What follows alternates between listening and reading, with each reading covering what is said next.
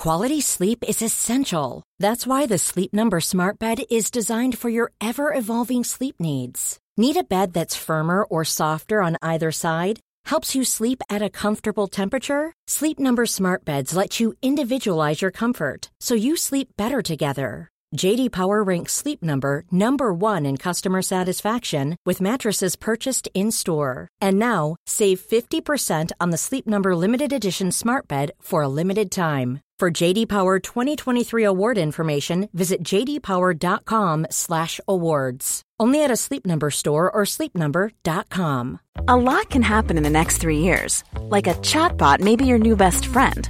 But what won't change? Needing health insurance. United Healthcare Tri Term Medical Plans are available for these changing times.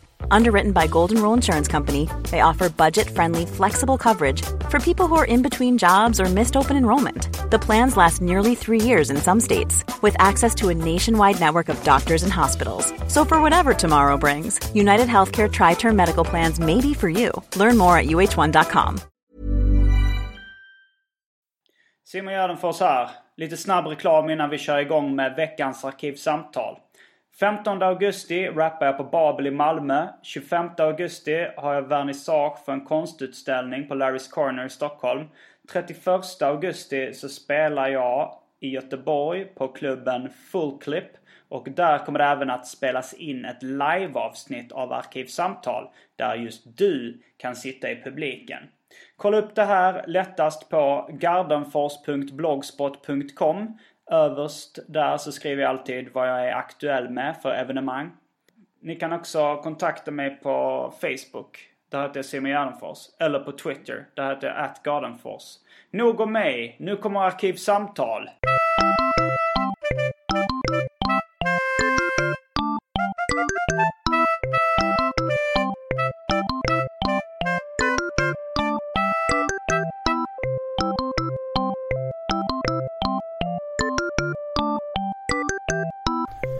Hej och välkomna till Arkivsamtal. Avsnitt 5 tror jag det är. Jag har spelat in fem avsnitt på en vecka. Eh, så att när ni hör det här så har det gått en liten tid. Eh, det spelar egentligen ingen roll. Jag heter Simon Gärdenfors och dagens gäst är Mr Cool. Exakt. Tack för att eh, jag fick komma. Ja, varsågod. Tack för att du ville komma. Det, vill, vill, alltså så här. Jag vet att du heter Anton. Ja. Eh, har du någon slags hemlig identitet? Nej. Eller, du heter, An- vad heter du efternamn? Anton Magnusson heter jag. Anton Magnusson. Ja. Då kanske vi ska säga det så att du inte är i karaktär. Exakt. Jag Så. går, ur, jag går ur karaktären. Så du har, du har alltså en, en viss karaktär som Mr Cool. Jag är lite lätt, är en, lätt form av schizofreni som uh, yttrar sig emellanåt. Ja, det är svårt Så. att veta när du är i karaktär eller utan. Ja, den här blir arg. Lite som Hulken. Eh, vi brukar börja den här podcasten med ett inslag som jag kallar, kallar Välj drycken.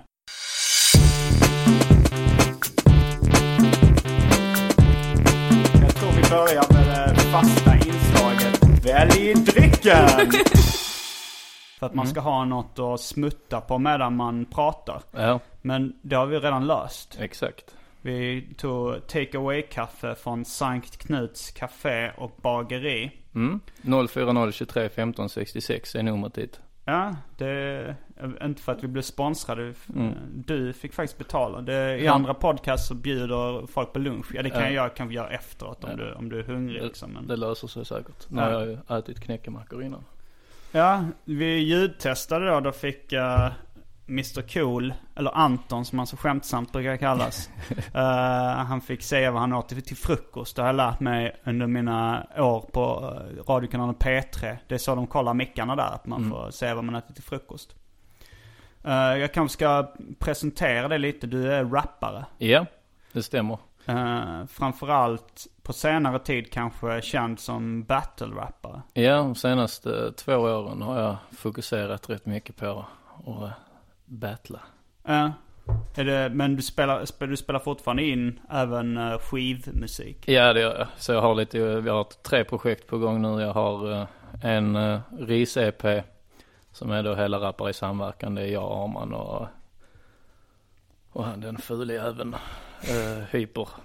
Och sen så har jag en soloplatta som heter Disco Feber som är också in the making som det heter. Ja. Och sen så ett eh, tredje projekt som vi kommer lansera senare i eh, höst. Ja, men trevligt. Mm. Eh, har, du gjort, har du gjort någon sån här längre intervju innan? Jag tror jag försökt googla dig uh, innan utan att hitta någon, någon uh, Nej. nämnvärd information. Detta är en exklusiv. Det var enbart för att det var du som, som frågade. Så tänkte jag får jag ställa upp. Ja, nej men eh, det, jag, jag, det är många i podcast som intervjuar komiker och sådär och jag, jag tycker att jag måste nu bara suga din kuk lite ljudmässigt och säga att liksom jag tycker du är en av Sveriges roligaste komiker. Även om du då kör i rapformat Ja, istället för uh, alltså så stand-up format eller vad andra komiker kör med. ja, Det är ju både du och Arman har jag upptäckt då via, äh, det var nog först via typ uh, Rappar i samverkan skivorna men, men också då framförallt i, i battle-sammanhang så ni kör ju, ni kör ju någons, uh, ganska mycket, jobbar mycket med skämt. ja det gör vi. Vi ut, utgår ifrån, eh, utgår ifrån vad som är roligt. Snarare från vad som är eh, hårt. Mm. Det är många som, som kör med humor också, alltså i, i battle rap sammanhang för det verkar vara det som funkar bäst. Det är det som ger mest utdelning och sånt. Men Ja, sen- men där är det jävligt svårt egentligen för att, eh, som jag upplever ofta när man kollar på de som försöker köra med humor, men som inte har humor, eller som Mm. inte är roliga, alltså instinktivt roliga. Mm. Då märker man att de går efter ett koncept. Det är någonting som de har sett fungerar. Eh, Och det är ju aldrig, aldrig roligt egentligen. På, inte, inte roligt på en hög nivå. Om det blir väldigt förutsägbart. Det är lite som att titta på så här Jim's World. Eh, en sitcom. eh, Där man ser att eh, de utgår ifrån ett koncept, vad som är roligt, förväxlingshumor. Mm. Den, den ena tror de pratar om sex, den andra tror de pratar om att laga mat. Och så Mm. sitter de och har för en, en diskussion om det. Och så ska man tycka det är hur roligt som helst att de missuppfattar varandra. Men, eh, det låter lite kul. Men det kanske du säger det med en... ja, det, en- med, min, med min instinktivt roliga Ja, röst. Och ja, min, men du har ju en sån här lite torr form av eh, humor liksom. Att du Mm. levererar. Det, det tycker jag är ganska... När man, när man... Jag är av den skolan av humor att man ska leverera det. Man ska låta replikerna, humorn göra jobbet. ja, Folk som lägger på en rolig röst eller en rolig akt. Mm. Då blir det sällan lika kul som... eh, eh, jag såg den här kommentatorspåret till filmen Den nakna pistolen. ja, Då berättar de det, då är Priscilla Presley, alltså Elvis fru, eh, den kvinnliga hu- största huvudrollen. ja, Och eh, då, när de castade henne, då hade hon varit med, jag tror det var Dynastin, den tv-serien. ja, Då sa de att först så försökte hon lägga på en, en komedi grej. Eh, Och då tyckte de det blev inte lika kul. Så sa de att, men kör bara som du spelar i Dynastin. Ja. Och då lät de rep- hon replikerna göra jobbet och då blev det helt plötsligt kul. ja, exakt. Då blir det, då blir det mycket mer fokus på, på det som egentligen ska vara roligt. Mm. Och um, det blir lätt att man försöker översälja det. Om man, eh, om man, lägger, om man tittar så här på Parlamentet och, och den typen av underhållning. Eh, Så eh, då ser man ju ofta när man inte har tillräckligt roligt material så börjar man skrika och, och så här, slå pannan i bordet och trilla från stolen. Och det kan ju vara roligt med så här traditionell Chaplin slapstick humor men, men inte om det är för att rädda sig själv. Då är det ju aldrig, aldrig jag tycker man förstör nog. Om man har bra material kan man nog förstöra det också. Jag tycker till exempel så här, Jim Carrey. Eh, jag hatar när han lägger på sitt minspel. Mm. Alltså han, han är bra skådis när han kör. eh, när han kör, alltså han är roligare i de här typ Man in the Moon eller eh, Man on the moon Man on the Moon kanske heter. till och med. Och eh, ja, Truman Show också Ja. till exempel. När han, när han uh, tonar ner sig lite grann. mm, Men där, där är också så att så galopperande detektiven var ju skitrolig när man var liksom i nio bast. Alltså, jo, då, då tycker man ju grimaser är roligt. Ja, Eller- så, så man får se lite vilken målgrupp man riktar sig till också. Eh, Eh, så, och det är inte, idag så kan jag, jag kan inte knappt titta på så Dum Dummare eller, eh, eller Ace Ventura idag. Men, men man får kanske ha respekt för att eh, den målgruppen som de har riktat in sig mot faktiskt tycker att det är briljant. Så Ja. det, är svårt att betygsätta så kan jag tycka. Men, men om man utgår bara från sig själv och man själv tycker det är roligt så, så är det ju mycket roligare med någon som underspelar än överspelar. Har du, har du jobbat med humor eller liksom använt humor i något annat sammanhang förutom rap? Jag har använt humor för att få stryk många gånger. i- under min uppväxt. Uh, Men sen, eh, sen blev jag polare med en, eh, en galen kroat. Som det löste sig till slut. mm. Men ehm, Är ni fortfarande kompisar? vi är fortfarande nära vänner ja. Vi Mm. ses, han har ju familj och så idag men vi ses eh, från och till. Var var det här? Vil- Vilken stad är du uppvuxen Jag är uppvuxen i Trellebäby Djungelstad, det är alltså Trelleborg. Och eh, Trellebebe Djungelstad? Trellebaby Djungelstad. Ja, Trelleborg, okej. Ja. Är, där är palmer så det är en djungelstad då. Ja, fan, jag, jag, det, det är lite show-off att de, att de kan ha palmer därför måste de visa att de kan ha det. Exakt, så var där är längs hela huvudgatan i Trelleborg är där palmer. Och rondellerna och så är där palmer. Ja. Hur, Till och med ett innebandylag som heter Palmstaden. Åh jävlar. Mm. Och Hur en festival som heter Palmfestivalen. Oj. Så det är mycket, mycket palmer. Men hur var det att växa upp där då? I Trelleborg? Jo, det var bra. Jag hade en, eh, en eh, bra uppväxt. Jag, eh, ja fan, det var väl helt, helt okej. Vad, vad var det för sorts hem, hemförhållande du kommer ifrån? Är ett vanligt medelklass uh, lärarfamilj. Ja, är båda dina föräldrar lärare? Ja. Okej. Hade du någon av dem i skolan när du, när du växte upp? Nej, jag hade min, eh, jag hade min farmor på dagis som eh, hela släkten är lärare. Så Ja. farmor var föreståndare på dagis och sen var farfar rektor på Mm. skolan när jag började ettan. Mm. Eh, Så jag fattar ju aldrig det här att inte ens släkt var chef på, stället, på den stället man gick på. Eh, Förrän, eh, förrän farfar slutade, gick i pension. Ja, du trodde att det, att det alltid var så? Ja, Ja. och sen, sen hade jag lite flyt för sen när jag skulle börja gymnasiet så, så ehm, då hade min eh, farsa precis slutat som eh, studierektor på det gymnasiet. Mm. Så då, eh, då slapp jag ha honom som studierektor. Ja, det kanske var lite skönt. Ja, ja, ja. både och. Han är, han är härlig. Men rappade du redan eh, på den tiden? Eller när, när började du? Jag började, mm, alltså allra första var ju så här när jag och en kompis, Revolver, han eh, har också börjat battla lite nu, en barndomskompis till mig, eh, Revolver eh, kallar han sig när han rappar.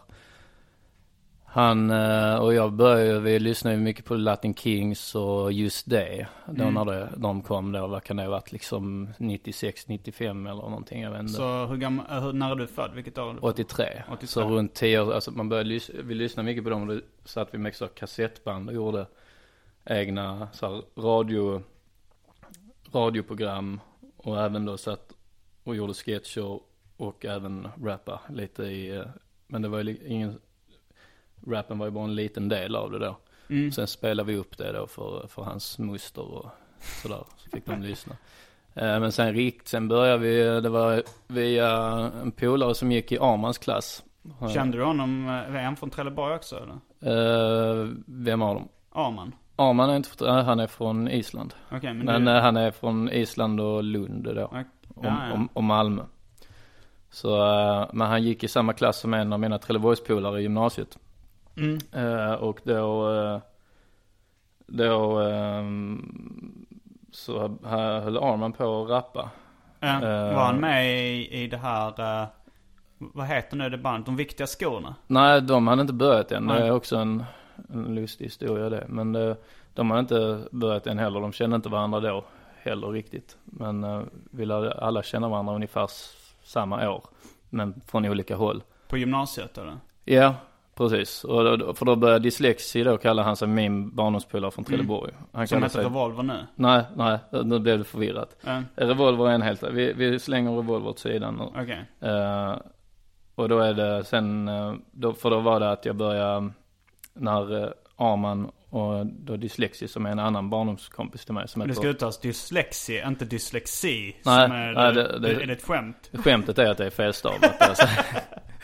Eh, och eh, då, eh, då ja, så höll Arman på med, tillsammans med Hyper och gjorde en massa så här, låtar som de släppte på Wow och, och Mm. så här, allmänt eh, skitroliga låtar. Och då fastnade Dyslexia i det och ville också vara med liksom och, Mm. och då gjorde han någon låt och sen så när jag var över hos honom så då hade han flyttat till Hör. Mm. Så då jag brukar åka upp till Hör och hälsa på Dyslexi. Och eh, då gjorde vi någon låt. Eh, Jag kör, gjorde väl min första låt över något Eminem-beat. Körde Jag är Mr Cool, kung över världen, kungakronan är min och jag bär den när du ser min fetekuk. Blir du mäktigt avundsjuk. Jag såg din syster och blev hård, straffknulla henne, nu behöver hon vård. Och så vidare. Så Var jag har inte utvecklats ett dugg. Ja det var Jag vet fan, ja det var väl lite Eminem-inspirerat kanske Men eh, framförallt så var det väl bara att Alltså man gjorde dem för att eh, För sen skickade vi låtarna till Arman och Hyper Mm. Och jag kände inte Arman och Hyper riktigt än då Mm. Så fick de lyssna och så satt de och garvade liksom och Mm. sen, sen gjorde de en låt och skickade tillbaks till oss. Och så satt vi och garvade åt den låten liksom Och så, så höll vi på så kanske Var det via uh, WoW då? Hiphop-communityt? Ja det var, de kom, ja precis, Eh, de la upp dem på WoW. Då visste inte jag riktigt vad WoW var men de hade lagt upp dem på WoW. Eh, och även att de skickade via, De la upp era låtar där också då? Ja. Utan din vetskap? ja exakt. Så nu finns de ute om man letar. Ja, det kan, Ehm. finns på YouTube kan man hitta lite som låter ganska gammalt. Alltså Ja. så över Eminem-beats också. Ja exakt, där kan, där kan ligga lite sådana gamla WoW-låtar. Så samlade tankar och sånt som är Ja. en annan pärla. Eh, ja vad ska man säga mer där? Ja nej men det är så jag kom in eh, och då lärde jag känna Arman den vägen via honom. Mm. Via dyslexi. Vi drog, vi drog till stranden en gång och så skulle, hängde Arman med. Och så kom han dit helt blek. Och satt och smörjde in sig i yoghurt. För han hade hört att det var bättre än solkräm. Är det sant? Ja, det är sant. Så han sa att jag har hört man, jag har hört att om man istället för solkräm ska man ta vanlig jordgubbsyoghurt. Det är mycket bättre. Så satt han och smörjde in sig och, ja. Funkar det? Jag vet inte, han är, han är blek fortfarande så det har antagligen funkat för bra. Men eh, han, eh, nej så att det är svårt att motstå en sån kille som eh, bara sitter helt indränkt i yoghurt. Så det är klart man blir polare då. Ja, ja. Så, eh, och sen så, Du har inte testat det själv som är nu yoghurt? nej inte, inte vad jag kan, Alltså det här, eh, finns det inte rykte att det är bra för huden att smörja in sig själv med sperma också? jo jag tror att det är någonting som killar har kommit på bara för att få spruta tjejer i ansiktet. Tror du det? Ja, Men, men ja, det, alltså jag kan tänka mig att det är mycket proteiner och sånt i det egentligen. Ja, men det är också, det är också, finns ju många saker som är bra för en men som det finns mycket, Ja, mycket trevligare alternativ för. Ja. Även om jag själv kan, jag är ingen motståndare till en bukake direkt men eh, Att själv smörja in det i ansiktet med... nej nej alltså nej tvärtom. Eh, att, För att, ja, i och för sig, men det är inte så många killar som smörjer in sig med sin egen sperma i ansiktet. nej det är ovanligt. Eh, det är väl, eh, det finns inte, inte, inte någon som jag känner. Nej, ingen som, det är kanske inget man gått till torgs med. Nej, det är inte det. Men eh, då blev ni polare, alltså du och Arman, för att han smorde in sig med yoghurt bland annat. Mm. Och, men han, han bodde i, i Lund då fortfarande? Nej, då bodde han i Malmö. Då hade han flyttat till Okej. Malmö. Och du flyttade dit efter gymnasiet eller? Eh, Efter, ja, ett år efter gymnasiet ungefär flyttade jag till Malmö. Och, och varför det? Eller vad började du göra då? Eh, nej, det var bara min, eh, min syra skulle dra till eh, London. Mm. Så hade hon en lägenhet i Malmö. Och så hade hon en ödla. Jag är väldigt så, reptilintresserad. Mm. Eh, så jag, hela familjen, är så här, ormar och ödlor och sköldpaddor och sånt. Så hon hade en grön leguan som heter Snorre. Efter Snurre Sprätt eller bara efter? Eh, nej, efter en annan ödla som hette Snorre. Ja. eh, som hon hade haft innan. Sen vet jag kanske den möjligtvis var döpt efter Snorre Sprätt. Men den här var döpt efter Snorre 1. Okej. Eh, Ja, det låter likt. Ja, ja det kan vara. Men, men eh, så skulle hon dra till London. Och då eh, hade hon ingen som kunde ta hand om ödlan. Så då frågade hon om jag ville flytta in. Mm. Hon frågade mig när vi var på Dominikanska republiken och, och eh, snorkla så sa hon, vill du, vill du ta hand om Snorre medan jag flyttar till, till Mm. London så kan du ha min lägenhet. Tänkte jag, ja, sweet. Det är Nu- skitnice men ju. Du betalar väl hyran eller? Ja det var ju det som kom sen. Att jag skulle tydligen betala hyran också. Det, jag hade ju bara förstått det som att jag skulle vara ödlevakt i, i, i några år. Men bor hon kvar där på Dominikanska republiken? Nej, hon bor, ehm, hon bor i, eh, i Trelleborg nu. Kallas det Trällan? Trällan, ja. Trällan kan man kalla det. Ja. Jag tror att, eh, tror att det kan vara jag som har myntat det begreppet också. Mm. Jag skrev ner lite frågor i, eh, i min bok här. Mm. Då hittar jag i och för sig när jag börjar med det eh, inför ett tidigare avsnitt, välj drycken. Så Ja. ifall när du druckit upp kaffet så, så kan jag erbjuda lite olika drycker från kylen här. Ja, proteinrika. Nej, yoghurt. Det, det, jag tror att min brorsa som jag är hos nu, han, han har tagit ut alla mjölkprodukter ur kylen eftersom... Ja. eh, och hans hink med sperma Ja. finns inte kvar. Men uh, fläderblomssaft eh, Mm. kan jag erbjuda. Drinken Hawaii Gay Club som då är, har jag uppfunnit själv. Som är Ja. passoir och uh, ananasläsk av, av Simpson märke. Ja, Eh. Och Pabst Blue Ribbon öl finns det kvar nu också. Det, ja. jag orkar inte dra hela listan Nej, den här gången. Det kanske blir tråkig upprepning. Men är det något som du är sugen på så kan, vi, så kan du så här sticka upp ett finger senare så tar vi en paus. Ja, ja men det låter bra. Just eh, en öl kan jag tänka mig. Jag har Mm. gått på diet nu i två veckor. Så jag har inte druckit på två veckor heller.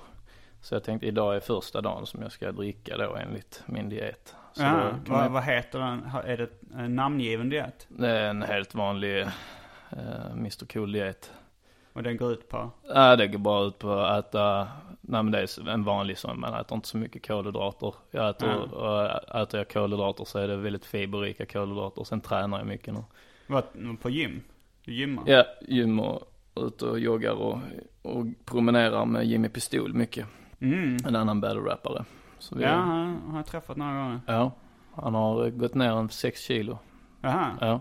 Ja, vi, vi har snackat faktiskt eh, lite skrämmande mycket om bantning och dieter i Ja. den här podcasten. Ja. Det, det, det har blivit mer och mer eh, socialt accepterat, alltså som man. Ja, det är inte lika Eh, bögigt längre. Det är ju, man vill ju vara snygg. Ja, man gör ju sitt bästa. Framförallt så eh, har man lite lätt att bli lite deprimerad och så. Om man är Mm. lite svagsint så som, eh, som, eh, som min hjärna verkar vara. Så är det ju en väldigt enkel lösning istället för att gå och få lite piller utskrivna.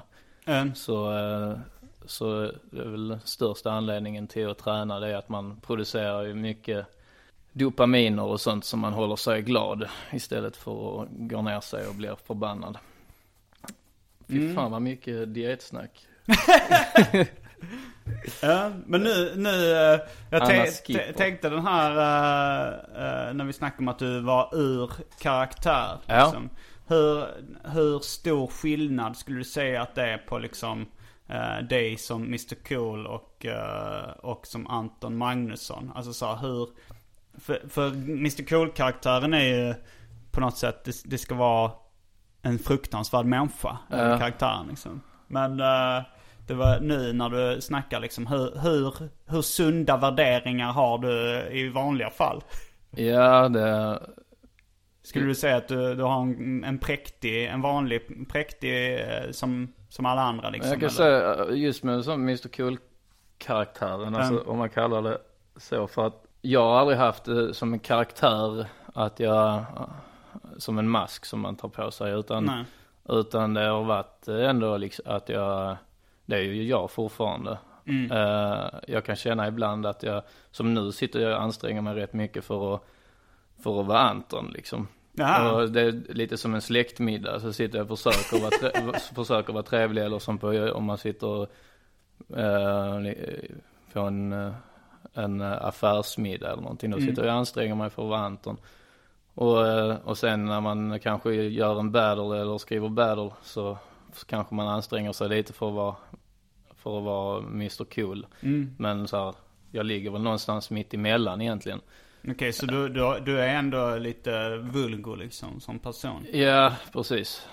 Ja, det kan man Lite, väl säga. lite hatisk liksom också? Ja, Ja, det är min, min arga sida Ja. kan man säga.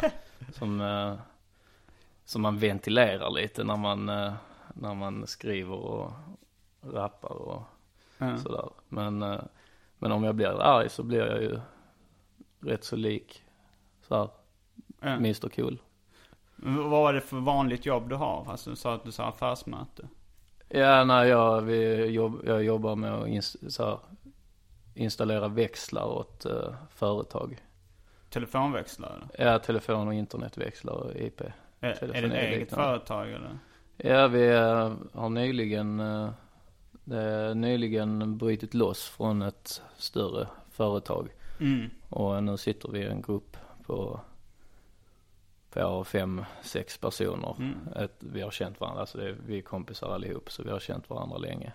Känner du att du hade velat jobba liksom i nöjesbranschen eller så med underhållning ifall du hade haft ett alternativ? Nej, det vill jag inte. Du vill ha ett vanligt jobb och, Ja. och ha det som fritid? Ja. Det, jag, jag kan, för jag kan tycka det är jobbigt när man ska göra så underhållning på beställning. Ja. Eh, och om det hade varit, det hade ju säkert gått men, Mm. men eh, jag har inte förlikat mig med den tanken eller vad man ska säga. Men, Att det skulle vara rätt jobbigt just när man känner att nu måste jag. Jag tycker det är väldigt skönt att kunna tacka nej till gig. mm, Kunna, kunna skita i att göra eh, en platta. mm. Skit, man kan skita i och vad folk vill ha. Ja, ja, ja. Eh, man, man kan göra vad man själv vill göra liksom. Eh, så att jag har aldrig, jag har aldrig haft någon, någon dröm om att jag ska så här, leva på, Nej. leva på musiken utan tvärtom så. Du har en dröm om att inte leva på musik? Ja, men jag tror det har varit också lite, det är min dröm. Den enda sedan jag var liten har jag, har jag drömt om att inte leva på musiken. Jag har kämpat, jag har kämpat nu i, i 28 år. Och nu har du lyckats. Äntligen har jag lyckats. Det var tufft under 80-talet när, var, när man tjänade så mycket pengar och skivförsäljning och då gick det inte att undvika. Då levde man på musiken vare sig man ville eller inte. Nej men eh, min hjärna jobbar långsamt. Ja, det, jag kan Ja, nej, det jag kan säga ja, om det. Att Mm. eh, jag tror man är, man, det är det som gör att man är, att, som jag känner själv att det kan vara därför man är ball också liksom. Om man är rolig, om man är, om man är fet. Det är ju för mycket på grund av att man, man har friheten att verkligen skita i vilket. Jag bryr mig inte ett skit om, om någon gillar min nästa platta eller om de inte gillar den. Eh, det är kanske en sanning med modifikation, men du fattar vad jag menar. Ja, du Jo, fattar jo, vad jag jo, menar. att- du, du behöver inte. Det, jag kan, göra, jag kan göra grejer bara för att bli av med fans ibland. Att Ja. man kan göra pre- precis motsatsen till vad de vill. Det är lite som jag har lärt mig av eh, Färska Prinsen också liksom. Han, han gör ju Mm. ofta så tvärt emot vad folk vill att han ska göra bara för, Mm. bara för att det är väl, jag vet inte, jag har aldrig pratat med honom om det men jag antar att det är där utmaningen ligger. Han är till exempel skitduktig på att göra så här låtar med härliga refränger och Mm. och lite sångrefränger och han sjunger ju nice och han är ju musikalisk som fan med, han kan ju spela Mm. var, var varannat instrument. Men, eh, men, eh, och då, då fick han ju mycket så här lyssnare på de låtarna. Och Mm. då, då vänder han på grund av att då är det ingen utmaning att göra sådana låtar längre. Nej. Men, eh, Ja, det är svårt att veta ibland vad man har för liksom uh, vad som, man, man, de flesta gillar ju bekräftelse. Det är inte mycket att, Nej, att nej. försöka sticka under stol med. precis. Uh, men, men samtidigt så, och sen vissa sparkar bakut också när de känner att, uh, man, att, att de blir för omtyckta eller så här. Ja, det, det är svårt att veta. Jag, jag har inte riktigt fattat vad jag själv har för drivkrafter alltid liksom. Nej. Varför man gör grejer. Och jag, jag har ju också, jag känner igen mig i det här liksom lite Ja, svajiga då- psyket liksom. Ja. Att ibland kan jag bara glida in och så här känna att vad fan är meningen Ja. med, att hålla på överhuvudtaget. Ja. Sen, sen har jag fastnat i en liksom tvångsmässig underhållarroll ändå. Ja, för, för du, du lever ju ändå på, på, eh, på underhållning Ja. kan man säga ju. Ja. Kan du inte känna liksom att det blir lite så här jobbigt press ibland eller för att, eh, för att ändå det ska tilltala massorna eller känner du? Alltså, Är det någonting du tänker på, liksom? Jag, jag, jag tänker lite på det men det jag lever mest på är egentligen stipendier. Alltså så här, Mm. jag, just jag så här tvåårigt författarstipendium från liksom författarfonden. Ja. Och från konstnärsnämnden och sånt där. Och Bidragstagare helt enkelt. Ja, ja visst. Eh, men ja, det är som, på samma sätt som en lärare. Ja, ja, liksom. exakt. Ja, det, var, precis. det var typ någon släkting till mig som var så här, ja, eh, när jag sa att jag levde på stipendium och bidrag. Så Ja. han så här, så det är alltså våra pengar du lever på. Det var min eh, farbror som sa det. Som då jobbar på universitetet. Och sen kom jag på för sent när jag väl hade åkt hem. ja, ja, han lever ju också på statliga pengar. Exakt, Det precis. Det är alla inom, eh, inom kommun och staten. Ja. Ja, nej, Jo men, men, det är sånt jag lever på. Men då, Ja. då behöver man inte vara, då kan jag vara ganska smal på något sätt. Ja. Alltså så här, att eh, det ja, är, men då slipper du det, tänka på, på det. Det är mer om du, Ja. det är mer om kanske om du skulle vilja bli stormrik. Ja, Som, och, och, och sen om du, om låt säga du blir stormrik på Ja. någon, någon bok eller någon, någon låt. Mm. Och då vänjer du dig vid den livsstandarden. Mm. Och då kanske det är jobbigt att gå tillbaks till, till att leva på, på liksom så kulturstipendier och så. Mm. Eh, Då kanske du är, då kanske det här tvång, eller känslan av att eh, man måste göra någonting som tilltalar. Jag vill göra den här grejen igen. Eh, men så är det det, det kanske är risken då. Men annars är man ju, Ja, ekonomiskt så, så känner jag inte riktigt det. Men, men samtidigt så är det så med liksom bekräftelsebehovet. Att om, Mm. om jag kör en låt live som jag märker funkar. Då får jag ändå ett litet sug ibland att liksom köra det igen. Ja. Det, det tricket som funkar. Eller Ja. den typen av humor eller, eller vad fan Ja. som helst. Så här, man, man, man, är, man skulle ju inte visa sig offentligt eller släppa ifrån sig material ifall, ifall man inte brydde sig om det. nej exakt. Nej, nej, nej. eh, men det, och det är ju speciellt liksom live. Mm. Eh, så kan man ju, ofta får man ju sån nytändning om man kör någonting live och man märker att det funkar. Mm. Då kan man bli sugen på att gå hem och göra typ fem nya låtar. Ja. Bara för att det funkar. Och jag är inte heller så emot att det är klart att är det någonting som man vet man är bra på. Även om, även om man kanske inte är så sugen på att göra, göra den typen av grej igen. Mm. Så kan det ju också vara ens eh, uppgift. Nu är detta radio så ni ser inte att jag gjorde så här citattecken liksom.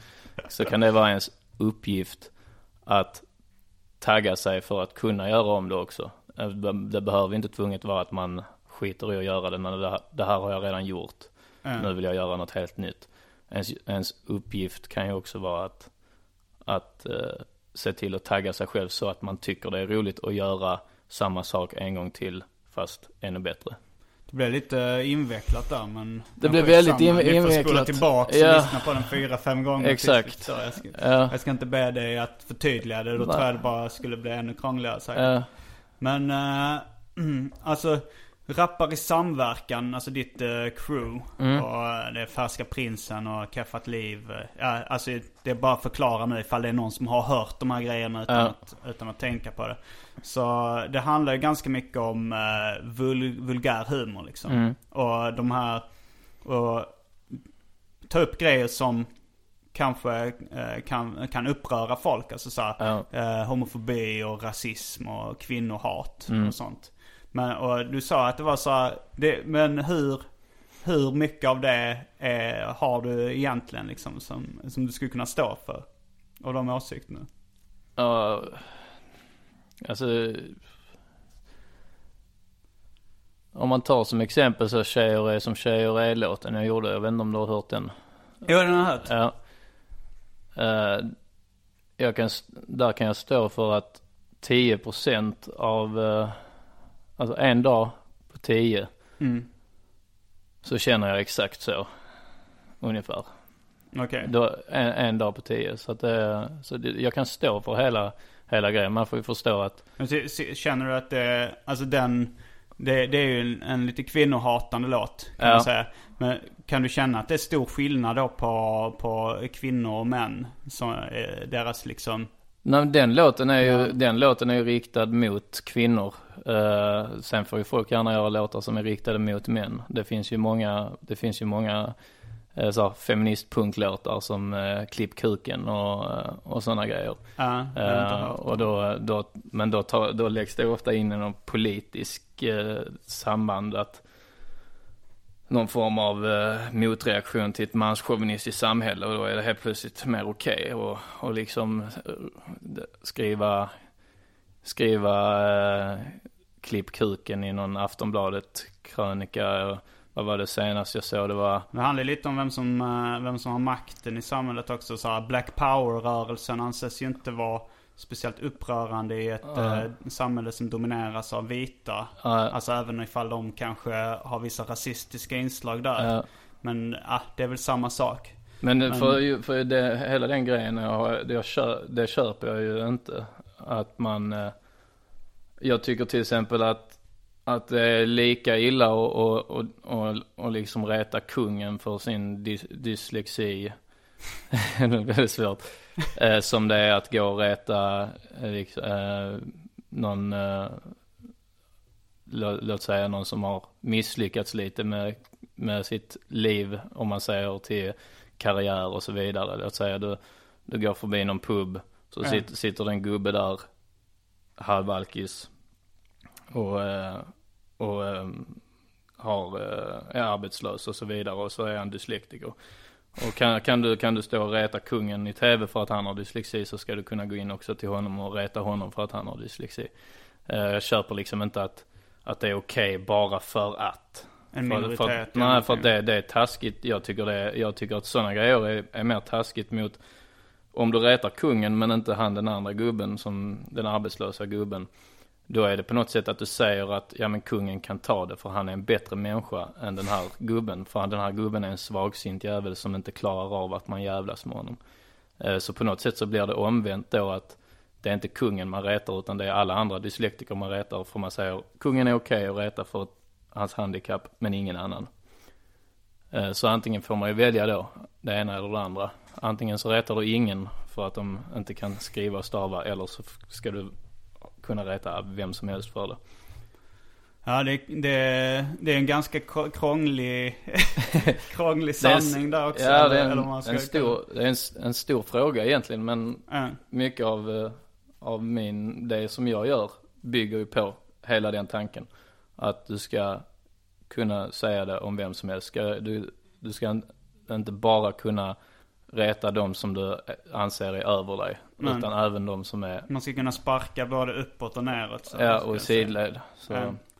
Men ja, jag, jag, kan, jag kan bli lite provocerad av det här snacket att Att jag sitter och runkar just nu. Nej, det, det är, Det är lugnt. lugnt, Men ja. när, folk, alltså när folk säger så här, det är okej med humor som sparkar uppåt, men Mm. som sparkar neråt. Jag, tycker, jag tycker faktiskt det kan vara okej med humor som sparkar neråt också. Ja, Det är så här, men humor för mig kan bli lite en frizon liksom. Att där, där kan jag tycka att vad som helst är roligt. eh, Helt ifrånkopplat vad mina åsikter är Ja, annars. Liksom. exakt. Jag kan till och med uppskatta fantasy och surrealism och science Ja. fiction i humorsammanhang. Så Ja. Monty Pythons Flying Circus.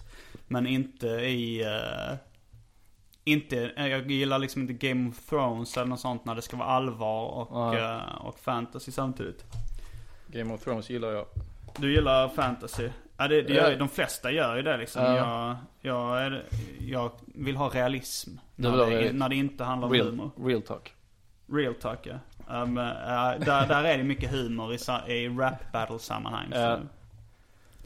Uh, jag, jag intervjuade min mamma igår. Ja. Det var förra avsnittet av podcasten. Och det, det är en av de frågorna jag får ofta så här, Vad tycker dina föräldrar om dina vulgära serier och vulgära Mm. rapgrejer och sådär? Ja, kan jag tänka mig. Eh, och då fick hon svara på det. Mm.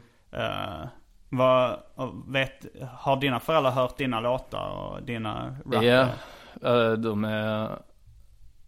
Uh, Mussan är ju stolt liksom. Mm. Eh, hon, eh, jag har sagt att det finns vissa låtar som hon inte får höra. Mm. Men sen är det alltså mina föräldrar, Lyder hon det då? Så, här, så här, jag lyssnar Ja, hon har hört lite, hon har hört lite grann liksom. Och sen så, liksom om jag går på stan med henne och julhandlar så kommer det fram folk och då tycker hon ju det är skitkul att folk vill ta foto med en och sådär.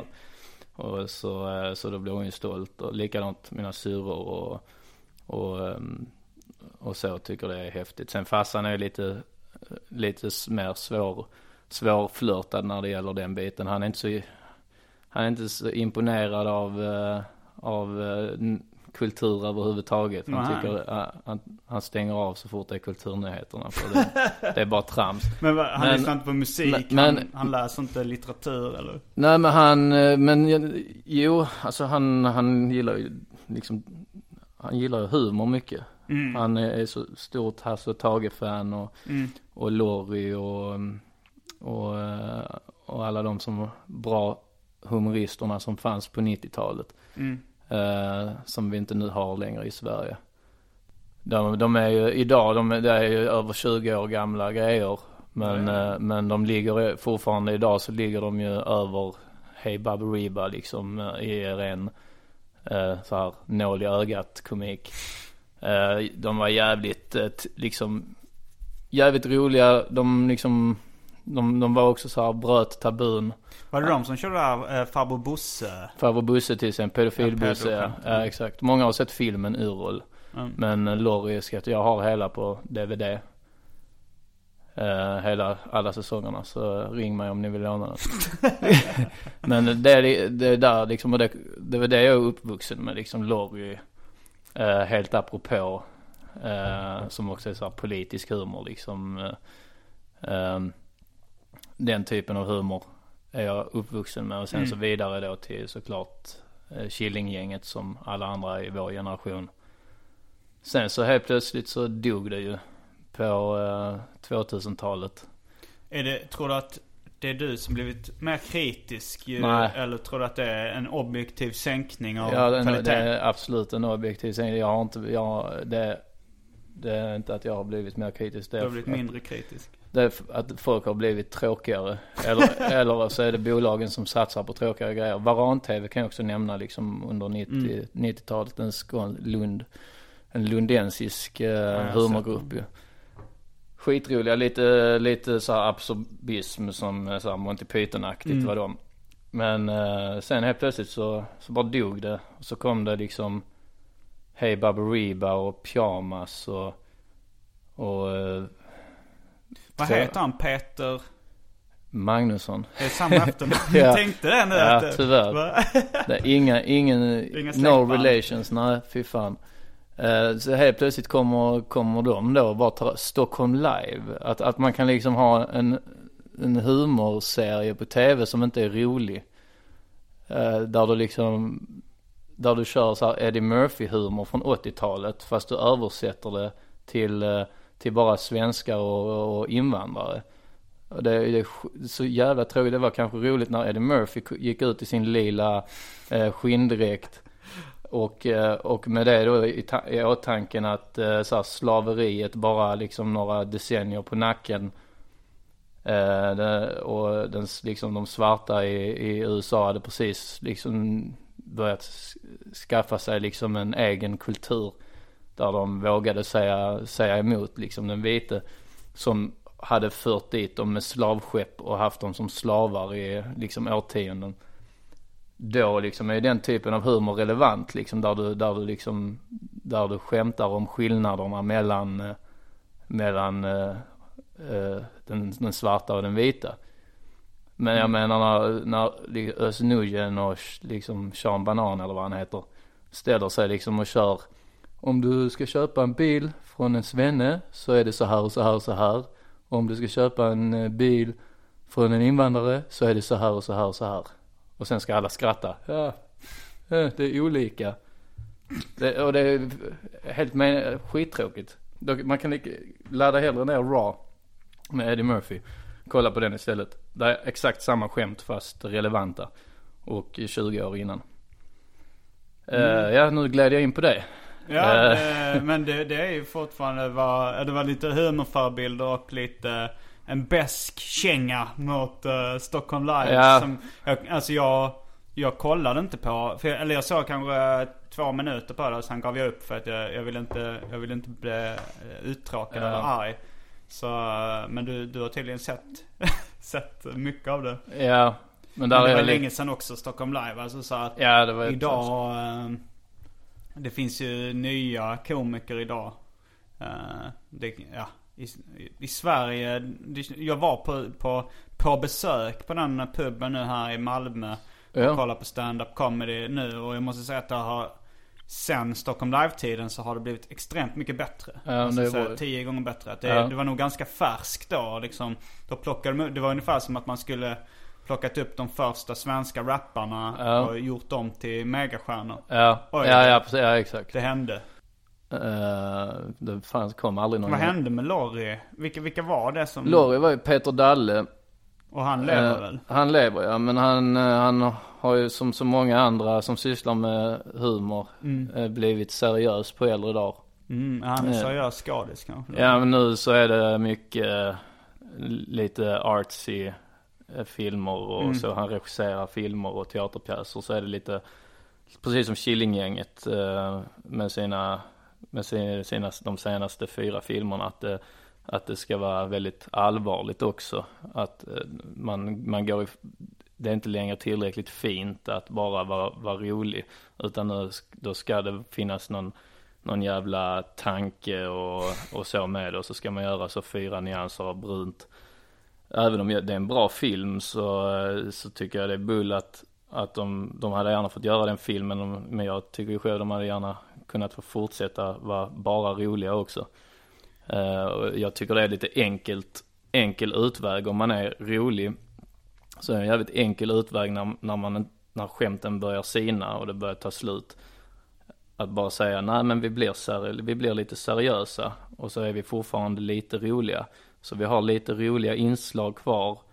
Det som folk gillar från eh, Nile City.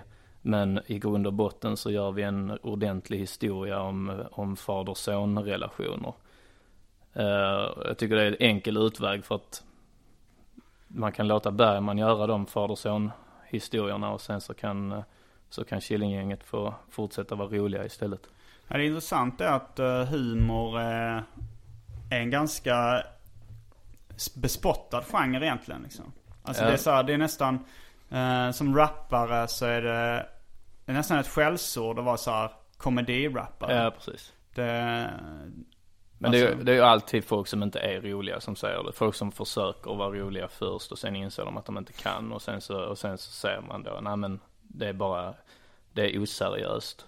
men, Eh, eh, vi har Lasse, uh, Lasse Åberg. Lasse Åberg sa ju en gång en jävligt bra sak.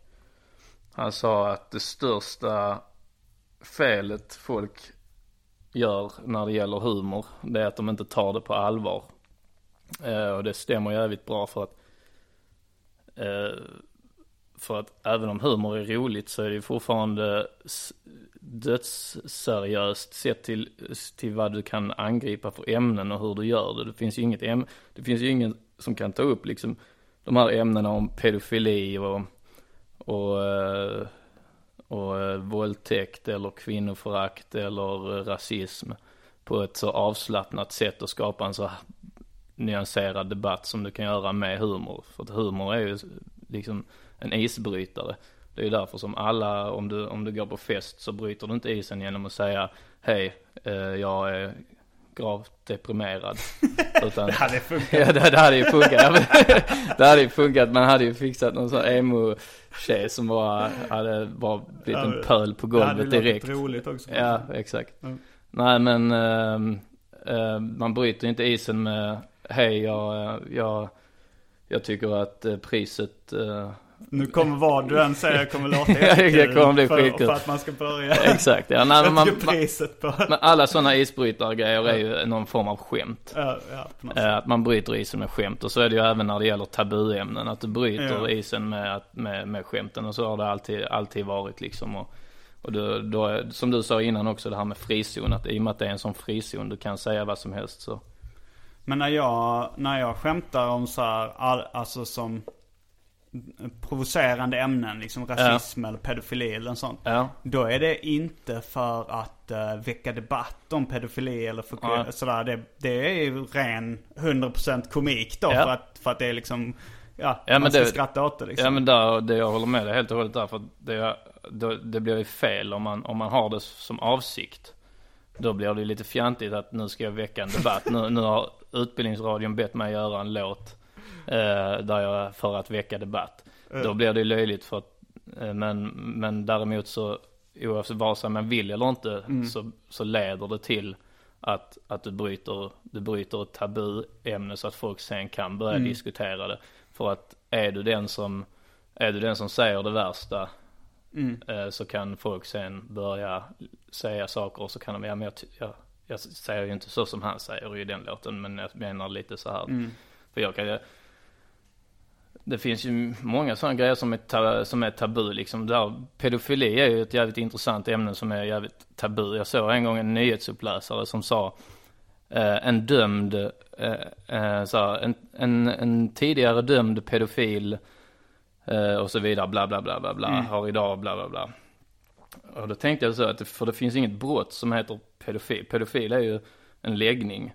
Precis som homosexuell eller, eh, eller bisexuell eller heterosexuell. Så ett, brottet i sig heter ju sex med underårig och sådär. Ja. Eh, Så det är ungefär som att du skulle säga så här, en, en tidigare dömd pedofil. Ja men vad är han dömd för? För att du kan ju vara pedofil utan att någonsin ha knullat ett barn. det är ju ett, eh, är det så- är en debatt som är så här. Eh, jag skulle hålla med att en pedofil som har läggningen pedofili men aldrig har begått ett brott ska vara lika accepterad som vem som helst. Ja, men det, är, det är kanske inte den allmänna uppfattningen. Det, Nej. alltså pedof- pedofiler har väl kanske lite samma eh, Alltså det, det är bespottat på samma sätt som homosexuella var för ett tag sedan. Ja, exakt. Men, Precis. men, men 50 samtidigt så, 50, 60 så är det år svårt att, att eh, Ja, att, jag kommer att fortsätta slåss för om- pedofilerna. Alla pedofiler där ute, jag fortsätter kämpa för er. Eh, gör ingenting mot barn så länge ni, så länge ni håller kuken i byxorna eller eh, blygdläpparna. Så, eh, så kommer jag stå frontlinjen och slåss för er eh, rätt att vara, säga öppet att ni är pedofiler. Så länge ni inte våldtar någon. För att grejen är liksom att en pedofil som inte har begått ett brott. Han är ju bara en vanlig jävla människa liksom. Eh, och, och man säger liksom, som alla är överens om att varken bögar eller lebb eller, eller heterosexuella har, alla är överens om att ja, man kan inte rå för sin läggning utan det är någonting som, det är ingenting, det är inget val, säger Nej. ju alla. Och då borde det ju rimligtvis vara så även för pedofiler, att de inte heller väljer att bli pedofiler. Och om man då inte våldtar något barn så kan man ju inte klandra någon för att de har den läggningen. Nej. Eh, Och då är det ju viktigt så för att man gör det snarare så pass öppet och att man avdramatiserar ordet pedofil så pass mycket att, att de kan söka hjälp. Eh, Så att de, om de är oroliga för att begå brott så kan de söka hjälp. Om de är oroliga för att sitta och ladda ner grejer som stöttar liksom hela pedoindustrin så, så kan de söka hjälp så att de slipper det. Och Ja. och då, då kan man lösa det problemet. För det är ju sällan man hör på nyheterna så jag är en tidigare dömd bög. Det är Nej. sällan de säger så ju. Eh, Och då, och då borde man inte säga så rimligtvis för pedofiler heller. Nej, det, där, där, där kom du in på lite politik Ja. nästan ska man kunna säga. Ja, Men jag, ja, tror, jag jag tror nog att de flesta håller med dig just i den frågan. Eller Ehm, jag vet inte. Nej, Eh, alltså, sen är det ju så, det är, folk kommer ju alltid, eller folk hat, precis som folk, folk hatar ju pedofiler. Det ska, alltså, man ska hata pedofiler som begår brott. De, de, Ja. de, det, de ska man ju låsa in och de kan ju liksom, de förtjänar ju hur mycket stryk som, som helst. Så, men, eh, men, eh, men själva läggningen kan man ju, kan, Ja. behöver man ju Nej, men inte. det, det är väl så här, om, ja, som begår brott. Liksom det, alla människor som gör, som gör handlingar som jag tycker är omoraliska kommer, eh, kan, tycker jag de tycker jag är dumma. Ja, det är dumma människor helt enkelt. Uh, vad för, eh, vi nämnde lite att du hade varit, eh, att du kör en nykter diet för tillfället. Ja. Vad har du annars för relation till droger och alkohol? Har du, har du haft några beroendeproblem? Nej, jag, ehm, jag gillar öl. Mm. Sen så när det gäller, när det gäller droger så i, ö, i övrigt liksom jag tycker det är rätt, rätt så efter, efterblivet. Eh, det är inget, alltså det är, det är svårt att jag brukar säga visa mig en pundare som har lyckats i livet så, så ska jag ändra inställning. Så uh, brukar jag säga. Men... Uh, William S. Burroughs. William S. Burroughs, ja. Men uh, då ofta så är det ju att man tar i, att man tar i, i att man då om man, om man röker. Mm. Så måste du sen ta kokain för att kunna göra något kreativt eller något uppåt. För annars så blir det blir det att man bara sitter och, sitter och hänger och tycker det är okej okay att inte göra någonting. Man, är, man, man bara tycker det är okej okay att ha tråkigt. Det jag tror det är South Park som säger det i något avsnitt så här att det farliga, det farliga är inte själva drogen utan det farliga är att du tycker det är okej okay att ha tråkigt. Men det, och det är precis som alkohol liksom, vad fan, om man dricker varje dag så har man ju ett allvarligt problem liksom. Mm. Eh, då, då är det ju någonting i livet som, som är fel. Ja. Så eh, det, tycker, det tycker jag själv. Eh, och annars så, jag vet inte. Det, nej. Du har aldrig haft någon period där du använt droger liksom? Nej. Jag kan, jag kan inte, jag jag, min schizofreni tillåter inte att jag tar det av alldeles för känslig hjärna. Så att om jag skulle... Har du någon diagnos? Va? Har du någon diagnos? Ja, vi, uh, vi kan, uh, vi kan ta det vi kan ta det off, off, off, off mic. podcast. Ja precis. Okej, okay, det... vi kan ta en ölpaus. Yeah. Uh, apropå att man inte tål det. Och sen ja, kommer vi tillbaks. Ja.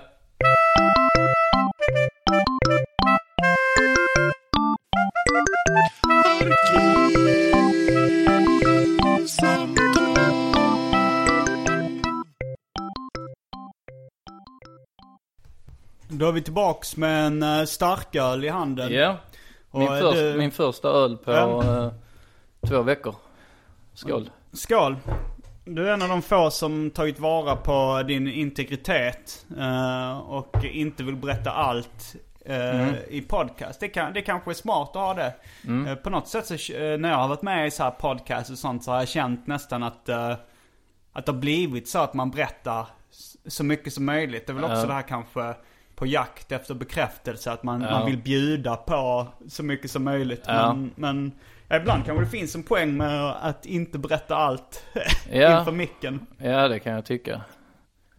Blir du nervös här på när du gör battle rap att folk får makt över dig ifall de vet så mycket som möjligt om dig? Nej, alltså, det finns inte så mycket. Det finns inte så jättemycket att säga om mig liksom. Mm. Jag är liksom, ja. Du har inga skelett i garderoben? Inget så som jag, inget som jag skulle bli så här rädd om någon tog upp liksom. Nej. Uh, sådär. Så det är jag aldrig rädd för liksom. Men det jag tycker i battle rap det är att man alltså ska hålla, man ska hålla sig till den man battlar mot. Mm. Sen är det klart att man kan dra lite så här, jag knullar din mamma grejer och sådär. Mm. Men uh, men just liksom, jag tycker det är, det är liksom ett tecken på att man, att man inte har lyckats eh, komma på tillräckligt mycket grejer att säga om den andra om man börjar liksom dra in dra in liksom folk som inte har med Ja som flickvänner eller liknande. Ja flickvänner. Men folk får gärna säga liksom grejer om min flickvän. Så här, jag, jag, så här, jag, jag har knullat din flickvän och drar någon rolig rad om det liksom mm. och sådär. Men, eh, men eh, det, men inte att man, men man behöver liksom inte dra upp saker som, som inte har med battlen att göra. Mm. Alltså det får ju vara, jag tycker inte det är speciellt roligt att li, liksom lyssna på någon som kör, ja Simme, jag, jag, jag vet att din, din mammas personnummer är bla bla bla bla bla. Ja, det, och, det, blir, det, blir, det blir den här effekten nu när du säger att det inte är roligt. ja. Och sen kör man någonting, då är det alltid svinkul. Ja. ja. men, det, det men, det, men det är också liksom för man, man vill ju att folk ska kunna fortsätta battla liksom. Ja. Och det är ju så här att ingen i, min, ingen av, i mitt umgänge har ju valt, alltså ingen förutom då eh, Arman och Hyper. Mm. och Jimmy Pistol och Grizzly som jag umgås med. Så Mm. utöver dem så har ingen valt att battla. Men, Och då är det ju att om någon säger någonting om, eh, om någon som jag, som pri- privat vän eller, eller familjemedlem och så till mig och, och det går över en gräns så att säga där det börjar liksom, där det inte bara är en, en, en liksom ge- generisk rad, eh, en allmän rad, mm, utan där det liksom börjar gå in och bli så här personligt mot den personen. Då, den dagen så säger jag dels att videon kommer, battlen kommer inte upp och sen så Mm. lägger jag av. tycker du att någon har gått över gränsen liksom på så här, det, det, var, det, var, det var många som har sagt liksom rader om din flickvän. Ja, jag, men, jag vet inte så mycket, alltså man vet inte, jag vet inte så mycket vad som är påhittat eller vad som är baserat på fakta eller liksom inte. nej, alltså där är jag, jag hade ju, jag hade, um, alltså både mot Nomad så Mm. han körde lite, han var den först att köra flickvänsvinkeln så här, att jag, Mm. min, din flickvän är ung och så vidare. Hur gammal är hon på riktigt? Hon är 20 eller hon fyller 20. Ja. Ja, så hon är ju mycket yngre. Mm. På tal om det här med pedofili vi pratade Mm. om innan. Ja, Eh, ja det, 20 är man väl ändå ganska vuxen. Ja, jag har ju, min gräns går vid rösträtt. Okej. Där ungefär. Eh, men, uh, ja, han körde, men, men det var ju så generiska grejer liksom. Folk Mm. får gärna säga så, folk får gärna säga att, att, att din flickvän är ung eller. Jag vet inte riktigt vad generisk betyder måste jag erkänna. Uh, generiskt, det, det betyder liksom en gen, väldigt generell. Okej. Att, att det hade liksom kunnat, det är inget som går in på några personliga detaljer liksom. Nej. Det, det är mer så här, din flickvän har den här klädstilen eller din, Mm. din mamma, eh, din mamma är, eh, ja, kines. Eh, alltså vad som Ja. helst liksom. Eh, men, eh, och sen så, och, och det har jag absolut inga problem med. Att, att man kör lite så, så, den typen av rader. Men min, min senaste battle hade jag, då var, då var det att uh, körde lite flick, där flickvänsgrejer. Vem var det? Eh, Det var mot Martin Samora. Ja, den har inte sett än. Som för, han är för övrigt en liksom skitschysst kille och så, så det, Mm. det är inget, det är inget så, så mot honom och vi hade inte satt upp några regler innan heller. Men, Men det var just, då körde han lite grejer som folk eh, så här uppfattar som real talk. Han körde om, om min flickvän att, eh, liksom att han hade pratat med henne och hängt med henne och mm. så här festat med henne och sådär. Och då, så här, då var det till och med så en polare till mig som kom fram, vad stämmer det? Och så hade hon, Ja. plus då att han namedroppade henne i battlen. Mm. Så då, och i och med att liksom han, i och med att de aldrig har pratat med varandra Mm. och, och att de inte känner varandra. Men att folk uppfattade det så. Även om det inte var hans mening att folk skulle uppfatta det så. Ja. Så blir det så blir det lite så, blir en jobbig situation liksom. För jag, det blir ett, som en, som att det kan påverka ens privatliv eller vad man ska säga. ja, absolut. Men eh, jag snackade med Martin, han, är, han var skitschysst. Han sa liksom efteråt, bara sa han att ja, det är liksom inget, det är inget personligt. Han sa det efter intervju, vi hade så här efter intervju och så. Mm. Och sen, eh, och sen snackade jag lite med honom på, eh, på Facebook och så. Så han, så han är, det är absolut ingenting mot dig Martin Samora. Jag tycker du är härlig. Och, och han är dessutom jävligt grym battle-rappare nu på tiden. Så eh, får vi ge lite props för det också. Har, Ja. ni, har ni inte kollat på honom så får ni gå in och kolla hans senaste battles för han har steppat upp. Han sa att han skulle sluta ett tag men han Han kanske... slutade, han slutade, han slutade ett tag, var borta ett år ungefär. Mm. Sen, sen kom han tillbaks laddad som fan. Mm. Ja, det är en solskenshistoria. Ja. Nu har vi snackat en timme faktiskt. Har vi det? det ja. Eh, Jag tycker inte det brukar kännas som en timme när man, när man babblar på. Nej. Ja, min mamma frågade så här, oj, kändes det som en timme? Så, ja. Men eh, det var allt från Arkivsamtal den här veckan. Ja. Jag heter Simon Gärdenfors. Jag heter Anton. Fullbordat samtal.